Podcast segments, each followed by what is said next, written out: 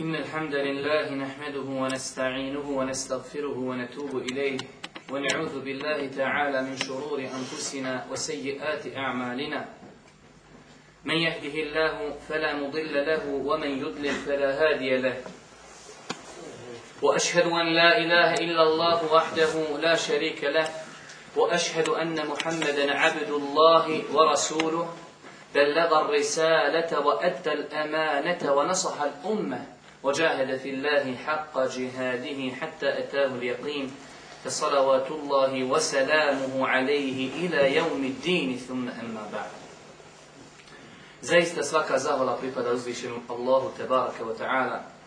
Donosimo salavat i selam na posljednjeg Allahu poslanika, Allahu miljenika Muhammeda alihi salatu wa salam. Njegovu porodcu, časne ashabe i sve one koji slijede na putu istine do sudnjega dana. Kao što ste mogli vidjeti na plakatama, tema večerašnjeg druženja je Islam je vjera toleranciji. Pošto je 1. januar dan koji je određen da bude svjetski dan mira, izuzetno je bitno da čovjek musliman zna kako Islam gleda na tu tematiku, temu i tematiku mira. Suprotno miru je šta? Rat. Također čovjek musliman treba da zna kako islam gleda na rat. Kako islam gleda na teror. Kako islam gleda na toleranciju. Kako islam gleda na suživot. Mir je, braću moja draga, zasigurno nešto čiju vrijednost najbolje poznaju oni koji su na svojoj koži osjetili šta znači izgubiti tu Allahu subhanahu wa ta'ala veliku blagodat. Mir je nešto o čemu sanjaju mnogi stanovnici ove planete.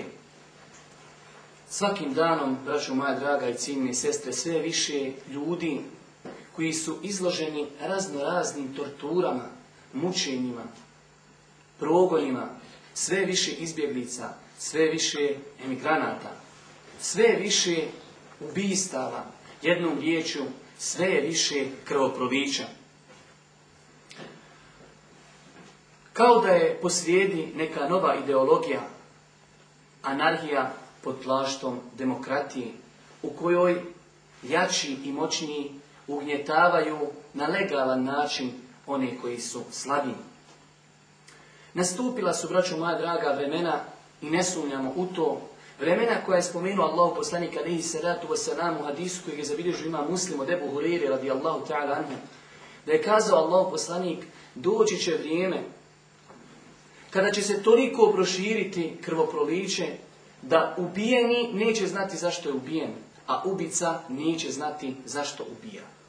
I pogledajte danas na svjetsku scenu pa ćete vidjeti da je izuzetno mnogo onih koji budu ubijeni, a koji ne znaju zašto su ubijeni. Mnogo je onih koji ubijaju, a oni u stvarnosti ne znaju zašto ubijaju. Normalno, braću moja draga, Islam kao potpuna i savršena vjera nije ostavio ni jedno pitanje, a da nije dao za njega odgovor. Tako i ovaj metež koji je nastao na Allahu i kao tala zemlji, muslimani imaju svoj stav po tom pitanju. I muslimani su svjesni i znaju. I oni vjeruju da metež koji vidimo sada na zemlji i nered, da je posljedica činjenja grijeha. Da je posljedica zapostavljanja prakticiranja Allahove subhanahu wa ta'ala vjeri. Kaže Allah subhanahu wa ta'ala, zbog onoga što ljudi rade, pojavio se metež na kopnu i na moru. Zbog onoga što ljudi rade, pojavio se metež i na kopnu i na moru. Zbog grijeha koji ljudi čini.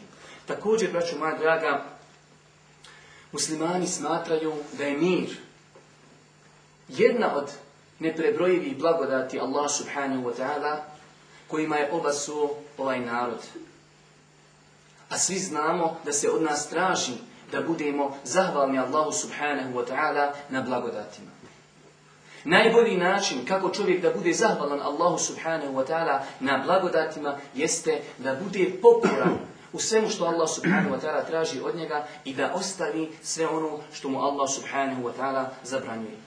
To da je mir, blagodat, možemo naći spomenutu hadisu koji je zabilježio imam Tirmidhi ibn Mađe, hadis čiju vjerodostojnost je potvrdio šeha Albani, da je Allah poslanik alihi salatu wasalam kazao ko osvani, bezbjedan i miran u svojoj kući, prva blagodat ko osvani bezbrijedan i miran u svojoj kući. Dobrog zdravstvenog stanja, druga blagodat. I ima toliko hrane koliko mu je dovoljno za njegove elementarne potrebe tog dana, kaže Allah poslanik, kao da mu je dat čitav dunjalak. Tri blagodati Allah poslanik spominje i kaže koji bude imao kao da mu je dat čitav dunjaluk. Ko osvani, bezbjedan, ko bude zdrav i ko bude imao hranu koja mu je potrebna tog dana kao da mu je dat čitav dunjaluk. Ali na prvom mjestu šta spominje? Ko bude bezbjedan, ko osvani u miru. Zamislite, braću moja draga, šta bi naša braća u Palestini dala da mogu da spavaju u miru, da osvanu i da se ne boje da li će neko zakucati na njihova vrata, da li će doći židovska vojska sa bagerima i da, kuši, da ruši njihove kuće. Braću moja draga, mora da znamo i mora da budemo uređeni da je islam vjera tolerancije, da je islam vjera suživota, da je islam vjera mira. Ako bi čovjek pogledao načela i principe ove vjere, vidio bi da svaki princip i svako načelo ukazuje na to.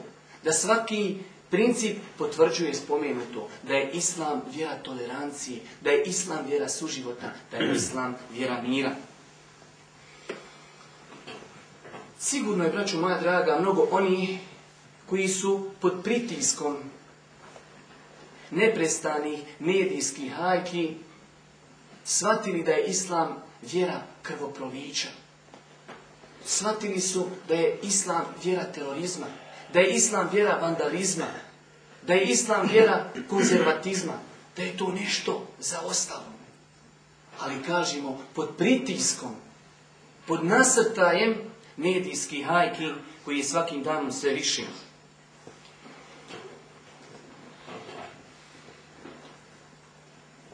Žalostno je, braću moja draga, što su muslimani u slabosti svog imana, u slabosti svoje vjere dopustili drugim ljudima koji nisu kompetentni da tumače svoju vjeru.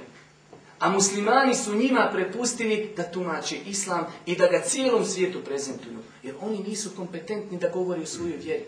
Oni još nisu riješili i nisu uspjeli svijetu, svijetu pojasniti istinito strojstva. I njihovi najveći učenjaci ne mogu to shvatiti ali su sebi dali za pravo da tumači islam. Ali jedan od problema jeste što su tu muslimani dozvolili. Da neko ko nije kompetentan tumači vjeru islam. S druge strane, zamjeramo muslimanima generalno na svjetskom nivou, što ne shvataju šta znači moć medija.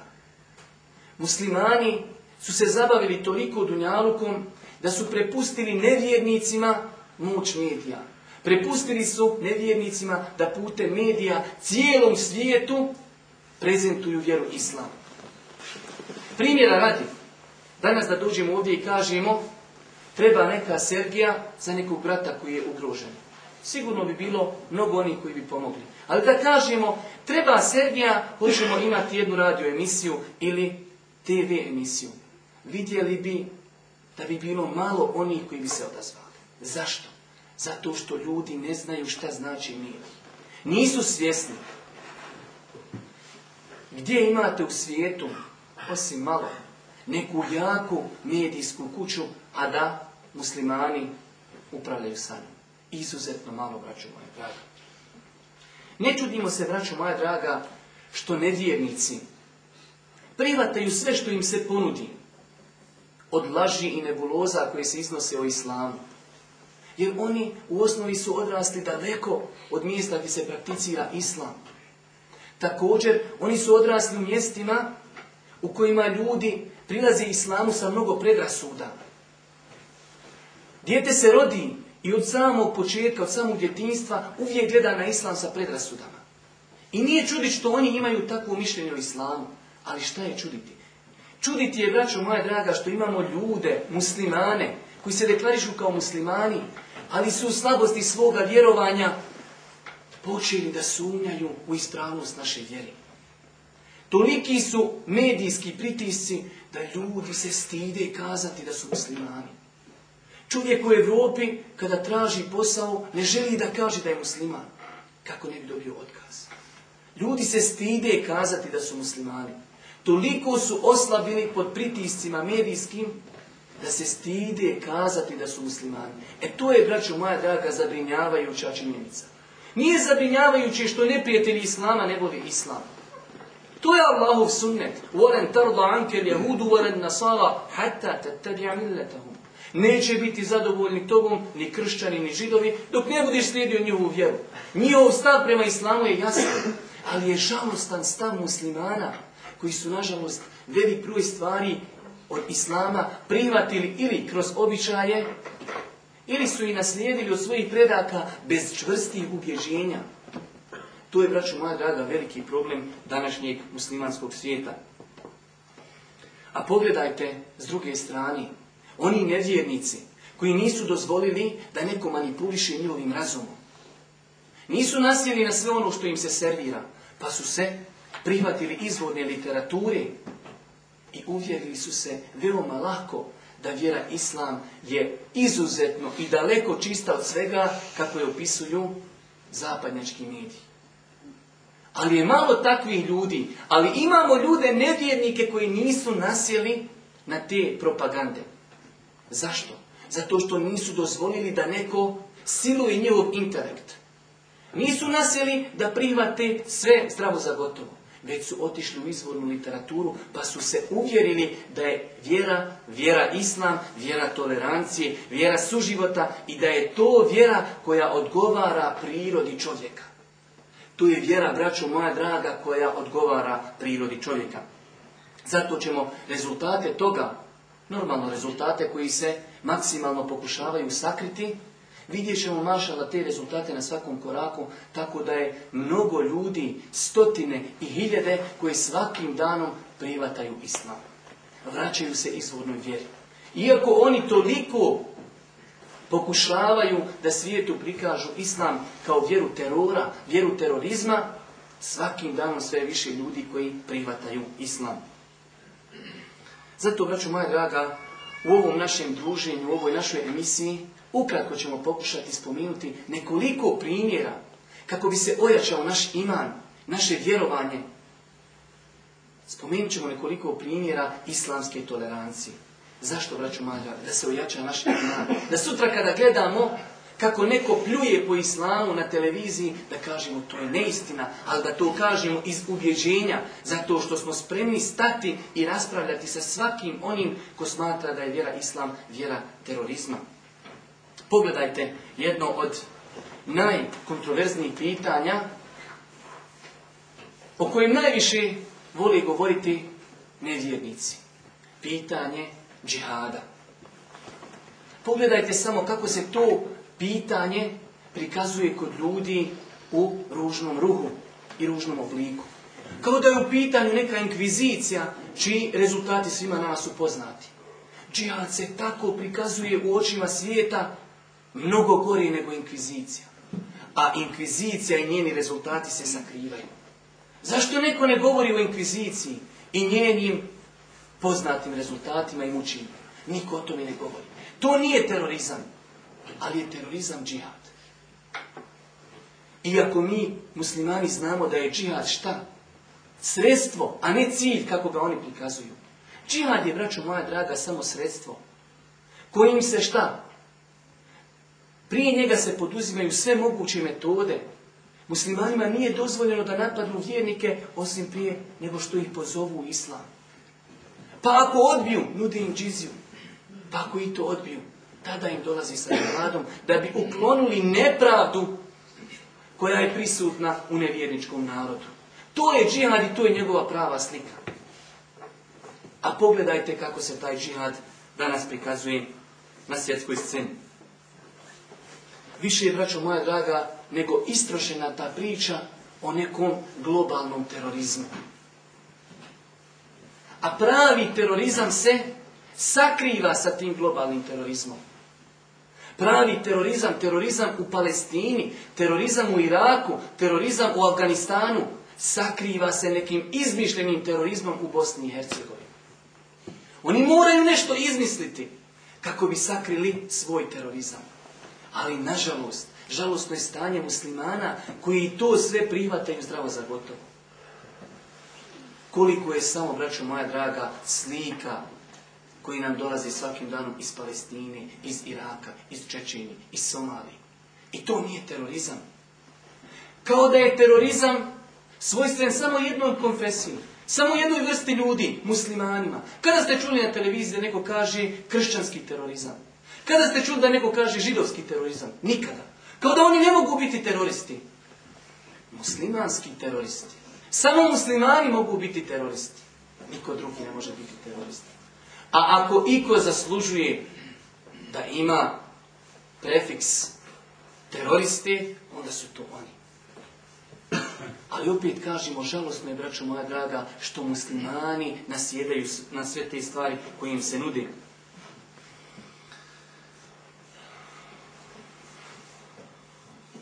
Također treba napomenuti jednu veoma bitnu stvar, a to je, braću moja draga, Islam je također čist od svega onoga što uradi određene grupacije muslimana,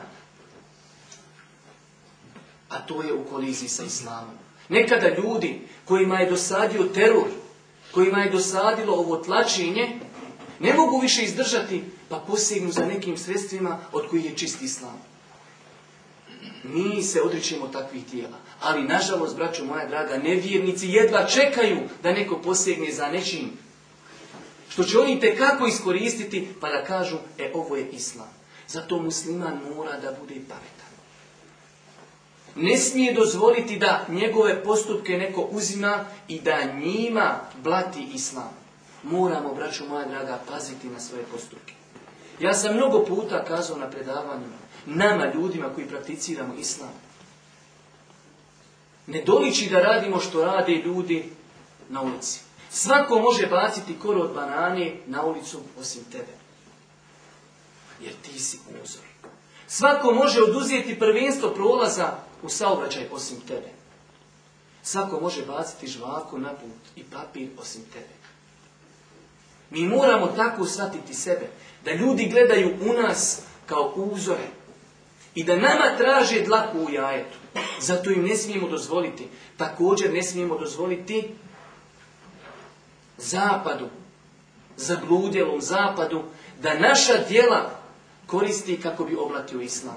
Zato, braću moja draga, izuzetno veoma bitna stvar, a to je da čovjek musliman prije nego što uradi bilo kakvo djelo, konsultuje učenjake, konsultuje ulema. Bojim se, braćo moja draga, ako pogledamo u stanje u svijetu, da je jedan od razloga ovog stanja koje vidimo dupli aršini od takozvanih velikih sila. Pogledajte samo, braću moja draga, te dupli aršine, kako su svugdje prisutni. Pogledajte u jednoj Palestini, kako postoje dupli aršini. A ne trebamo mi ići u Palestinu, da bi shvatili da postoje na svjetskoj sceni dupli aršini. Pogledajmo stanje Bosni. Bosna i Hercegovina nakon što je postala suverena država. Šta su radili? Embargo. Za sve zaračene strane. Pa zašto njima treba embargo kad su imali oružje i nisu znali šta će od njega? To znači embargo samo muslimanima. A to, braću moja draga, znači zamotavanje celofan, zamotavanje genocida u celofan. Vezanje ruku žrtvi i prepuštanje žrtvi dželatima muslimanima se postavio i uveo embargo. To su ti, braćo moja draga, dupli aršini koji smo mi najbolje osjetili na našim liđima. Braćo moja draga, ako neko želi da tumači vjeru islam, treba da se vrati na izvore islama, da se vrati na životopis Allahovog poslanika, a ne da se vraća na dijela određenih ljudi koji tvrde za sebe da su muslimani. Ako želiš da govoriš o islamu, islam ima svoje izvore. Izvori islama su Kur'an, sunnet, praksa Allahu poslanika.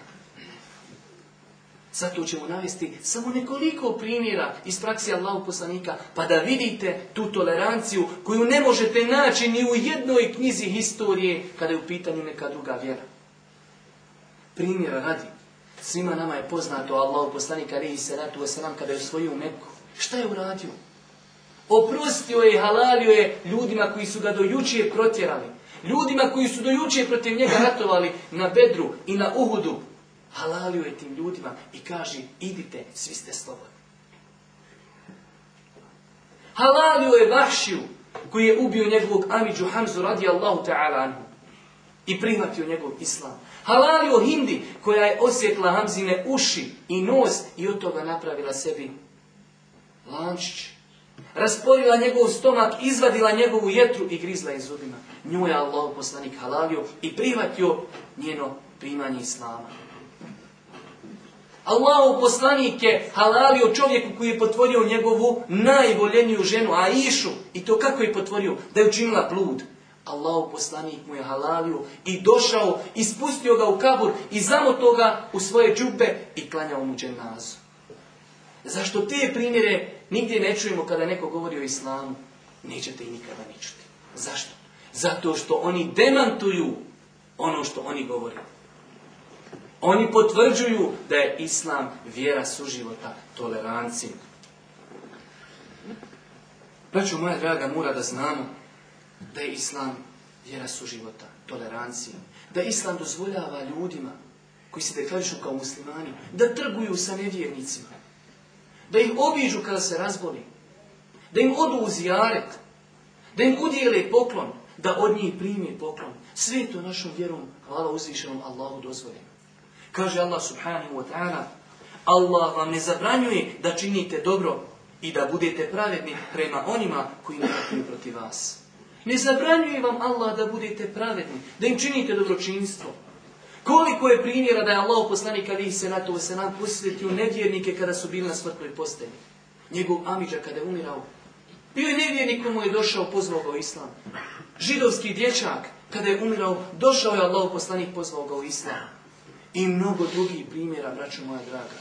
Šta je to nego primjeri tolerancije? U hadijskoj izbilježi muslim od Esme, radi Allahu ta'ala stoji da je kazala Esma, u Allahu poslaniće, došla mi je moja majka. Želi da održajemo rodbinske veze, ali ona nevjernica. Da li da održajem s njom rodbinsku vezu? Pa kaže Allah poslanik, održaj sa njom rodbinsku vezu. Pogledajte, braćo moja draga. Znači, nije naredio Allah poslanik, ne, ona je nevjernica, odbaci. Ne, nastavi da ju činiš dobročinstvo. Pogledajte, braćo moja draga, možemo se nadovezati na ovaj hadis kada je u pitanju dobročinstvo roditeljima. Kako je Islam savršena i lijepa vjera.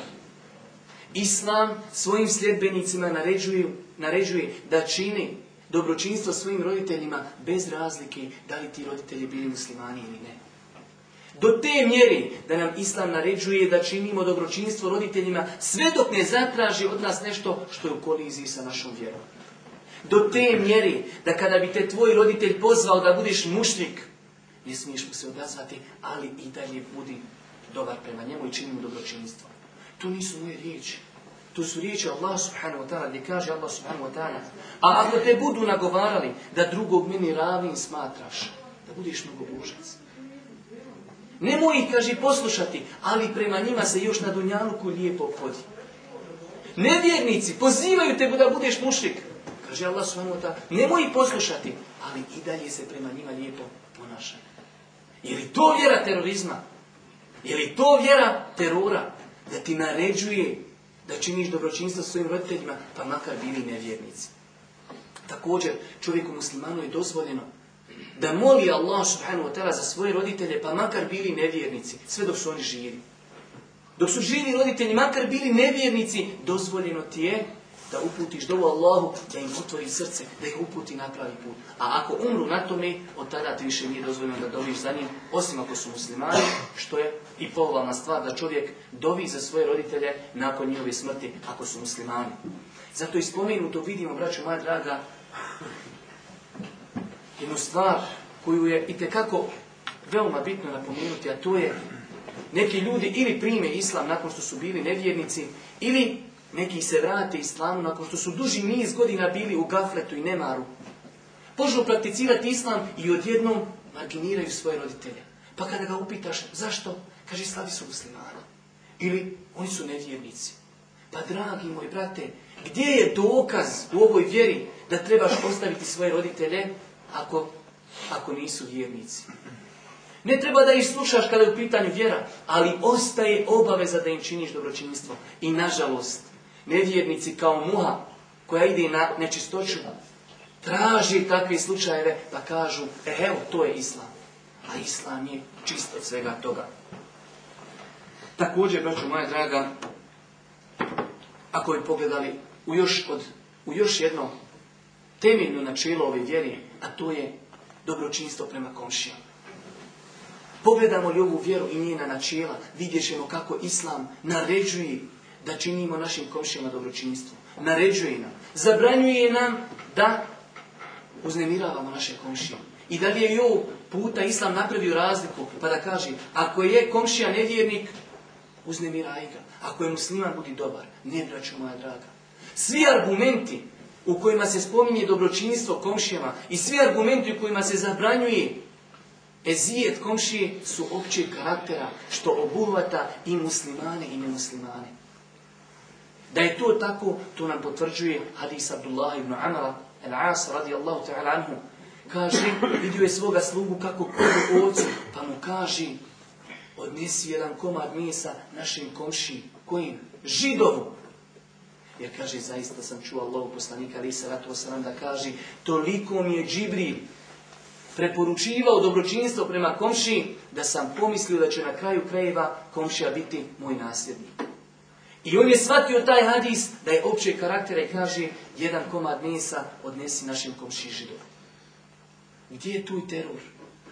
Kako bi muslimani Palestine voljeli da se nevjernici prema njima ponašaju kako je spomenut u ovom hadisu, kako su se muslimani ponašali prema židovima. Gdje je terorizam? Gdje je vandalizam? Pogledajte, braćo moja draga, kako je ta vjera savršena i kako je lijepa. Pogledajte treći princip ove vjeri, iz kojeg možemo vidjeti savršenstvo ove vjeri, kako možemo vidjeti njenu toleranciju, iako je mnogo primjera, ali pokušat ćemo da privodimo ovo naše druženje kraju kako se ne bi odružilo. Rodbinske veze, braćo moja draga. Islam je vjera također koja izuzetno mnogo pažnje posvećuje rodbinskim vezama. Naređuje nam Islam da činimo dobročinstvo našoj, našoj rodbini. Naređuje nam da čuvamo rodbinske veze i zabranjuje nam da kidamo rodbinske veze. I opet, braću moja draga, bez razlike da li ti rođaci bili muslimani ili ne. Pogledajte samo ukratko, ukratko da malo osvježimo naše informacije. Koliko Islam posvećuje pažnji rodbinskim vezama. Zasigurno, braću moja draga, dijelo iz koje ćemo vidjeti savršenstvo ove vjeri, vidjeti njenu toleranciju, kako ona poziva u suživot. Pogledajte primjera radi. Allah poslanik Ali se ratu u vjerodostojnom hadisu kaže da je čuvanje rodbinskih veza jedno od dijela koje uvodi u džennet. Wallahi, kada ne bi bilo druge nagrade osim ovi, nama ne treba veća nagrada. Bedevija, čovjek, beduin, zaustavlja Allahu poslanika na putu i uzima njegovu devu, zaula i kaže, u Allahu poslaniće, ukaži mi na djelo koje ako budem činio ući u džennet, a udalit ću se od džehennema. Pogledajte kako su ti ljudi bili jednostavni, bez filozofije. Kaži mi šta da činim, hoću u džennet, neću u džehennem. Nikakve filozofije kod njih nije bilo. Kaže Allahu poslanik, obožavaj Allah, obavljaj namaz, daj zekjat i čuvaj svoju rodinu i pusti, kaže moj devu. Završena stvar. Jedna od stvari koja vodi u džennet, jedna od stvari koja vodi u džennet, čuvaj rodbinske veze. Ima li, braćo moja draga, igdje takvih principa? Druga stvar, Allah poslanik u vjerodostojnim hadisima obećaj, ko bude čuvao rodbinske veze, da će živjeti dugo i da će mu se povećati na faka. Ma svi mi žudimo za tim. Možeš ti glumiti pred ljudima, ne želiš. Svi mi želimo da što duže živimo i svi želimo da budemo što više bogati. Hoćeš da budeš bogat, hoćeš da ostaniš? da živiš dugo, čuvaj rodbinske veze. To je obećanje onoga koji ne govori o hiru svome. Također, Allah poslanik u na Adisu kaže ko bude čuva rodbinske veze, bit će voljen i cijenjen od svoje rodbine i od ostali ljudi koji ga okružuju. Treba li ti išta ljepši nego da budeš cijenjen, da budeš poštovan od strane svoje rodbine i od strane ljudi koji te okružuju. Također, Kaže Allah poslanik u vjerodostojnom hadisu, ko bude čuvao rodbinske veze, Allah će čuvati vezu sa njim. Allah Hoćeš da Allah čuva vezu s tobom, čuvaj rodbinsku vezu, Allah će čuvati vezu s tobom. Ali s druge strane, ako hoćeš da Allah svoju vezu prekine s tobom, prekini ti vezu sa rodbinom. Jer Allah poslanik kaže, ko prekine vezu i ko bude kidao rodbinske veze, Allah će prekinuti vezu sa njim ne treba doći znači i musibet na zemlji da Allah prekine svoju vezu sa tobom. Allahu poslanik, najodabranija osoba koja je ikada kročila zemlju.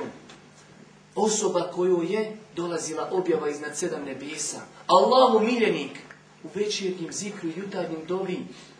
Vola te kilni ila nefsi Nemoj me gospodaru prepustiti meni koliko je tretaj oka. Allahu poslanik neće da bude bez veze sa gospodarom koliko je taj oka. A mi možemo biti godinama, ne ideš odbjeni. pa automatski sinje. prekinu vezom sa uzvišenim Allahom subhanahu wa ta'ala. I je li samo to, braću moja draga, da Islam Obećaj nagrade. S druge strane, Islam prijeti onima koji kidaju rodbinske veze, da nema druge prijetnje osim da kaže, što je rekao Boži poslanik, neće ući u džennet kapter onaj koji kida rodbinske veze. To bi bilo dovoljno čovjeku vjerniku. Čovjeka vjernika najbolje možeš pozvati ili zastrašiti vatru ili džennetom. Hoćeš da ga pozoveš, kažeš, ovo vodi ka džennetu. Završeno, on više ne gleda lijevo ili desno. Samo toči. Ako hoćeš da ga zastrašiš, kažeš, dragi brate, to vodi u džehennem. On je najdalje od tog djela. Zato ako hoćeš da bježiš od džehennema, čuvaj rodbinske veze, nemoj kidati rodbinske veze. Također,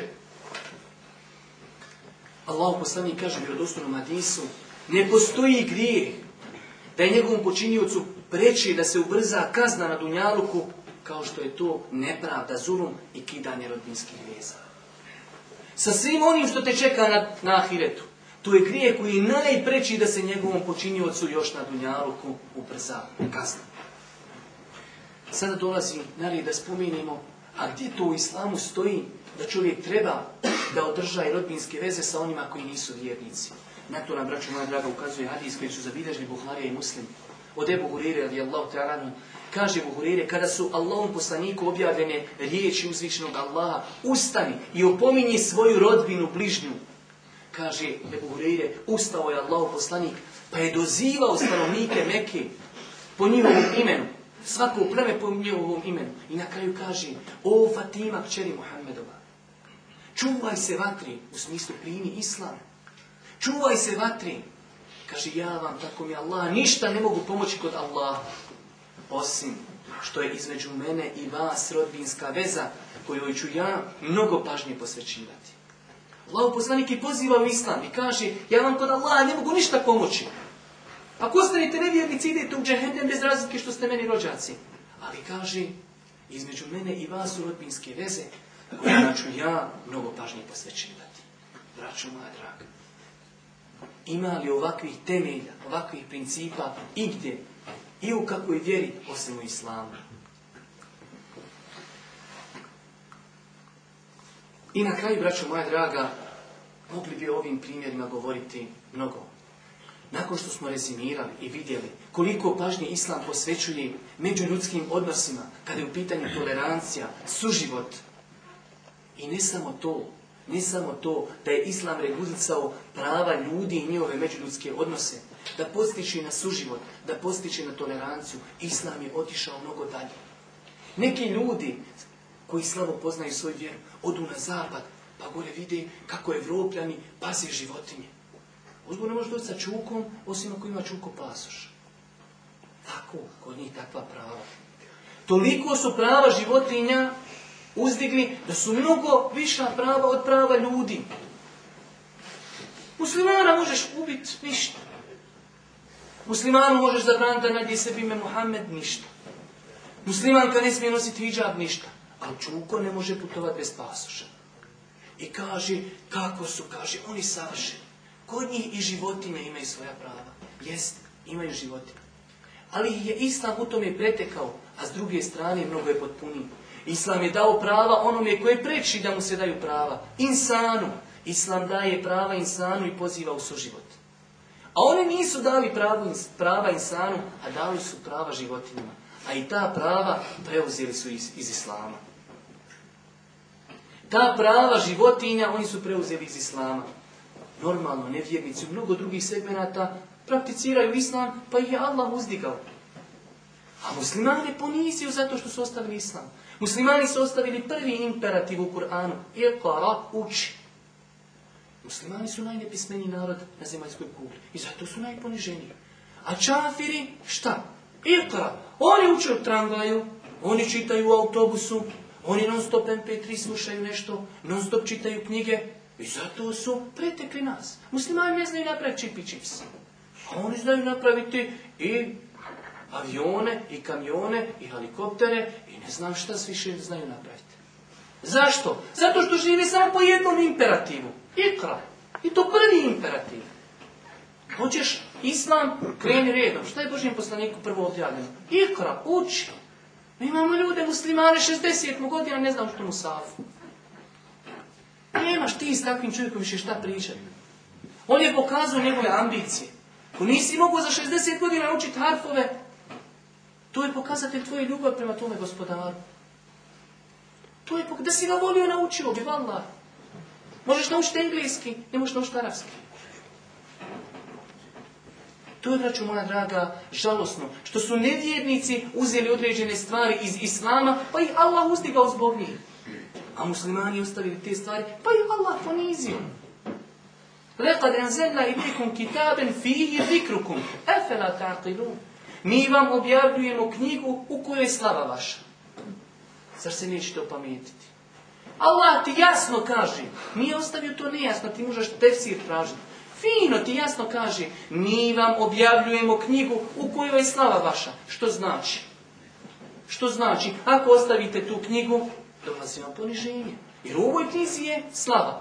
Ako ostavite ovu knjigu, neminovno dolazi poniženje. Čafiri su preuzeli iz Kur'ana ikra, pa ih Allah uzdigao. Također su iz Islama preuzeli prava životinja. Pogledajte, braćo, savršenstva ovoj vjeri. Wallahi, thumme wallahi. To nema nigdje na zemaljskoj kugli. Islam je tako savršena vjera da svoje sljedbenike toliko pazi i tako odgaja da pazi životinje do te mjeri da pažnjom životinje možeš zaslušiti džennet. Treba li ti šta više? Kroz pažnju životinja možeš zaraditi vječnu nagradu džennet pisivat džennet ne treba. Pa da ne treba. Braću moja draga, toliko je ova vjera savršena da pažnju životinja, pažnjom životinje može zaslužiti vječnu nagradu džennet. Allahu ekber. Ima li to igdje? Nigdje, osim u islamu. Kaže Allah poslanik ali se ratu veselamu vjerodostojnom hadisu, čovjek je išao putem, pa je vidio psa kako od žeđi liži zemlju, pa je sišao u bunar, u vode pa ga je napojio, kaže Allah poslanik ali se pa ga je Allah nagradio zbog toga tako što ga je uveo u džennet. Čovjek napojio psa i zato zaslužio džennet. A s druge strane ova vjera je toliko savršena da možeš ako ne paziš na životinje zaslužiti džehennem. da. Pa, ako ne paziš na životinje, možeš džehennem zaslužiti. Džehennem čija vatra je 70 puta žešća od vatri Dunjaluka. Zašto? Samo ako ne paziš na životinu. Svima nama je poznat hadis Allahu poslanika alejhi salatu sallam gdje kaže žena je zaslužila vatru. Zaslužila je džehennem zato što je zatvorila macu. To neka velika životinja deva. Maca! Zatvorila macu. Pa kaže nije nahranila, niti je dala joj hrani da jedi i zbog toga je zaslužila džehennem. Allahu Ima li savršenije vjere od ovih? Da možeš zbog macije ući u džehennem. A zbog macije možeš i u džennet. To je, braćo moja draga, naša vjera koju mi, nažalost, ne znamo. Koje se stidimo u Europi. A treba da se ponosimo i da podignemo glavu i na svakom mjestu da kažemo ja sam musliman i ja sam sljedbenik najodabranije ličnosti koja je ikada kročila zemlju ne stidim se i poznajem svoju vjeru. Ali žalostno je, kad ne poznaješ, moraš se stiditi.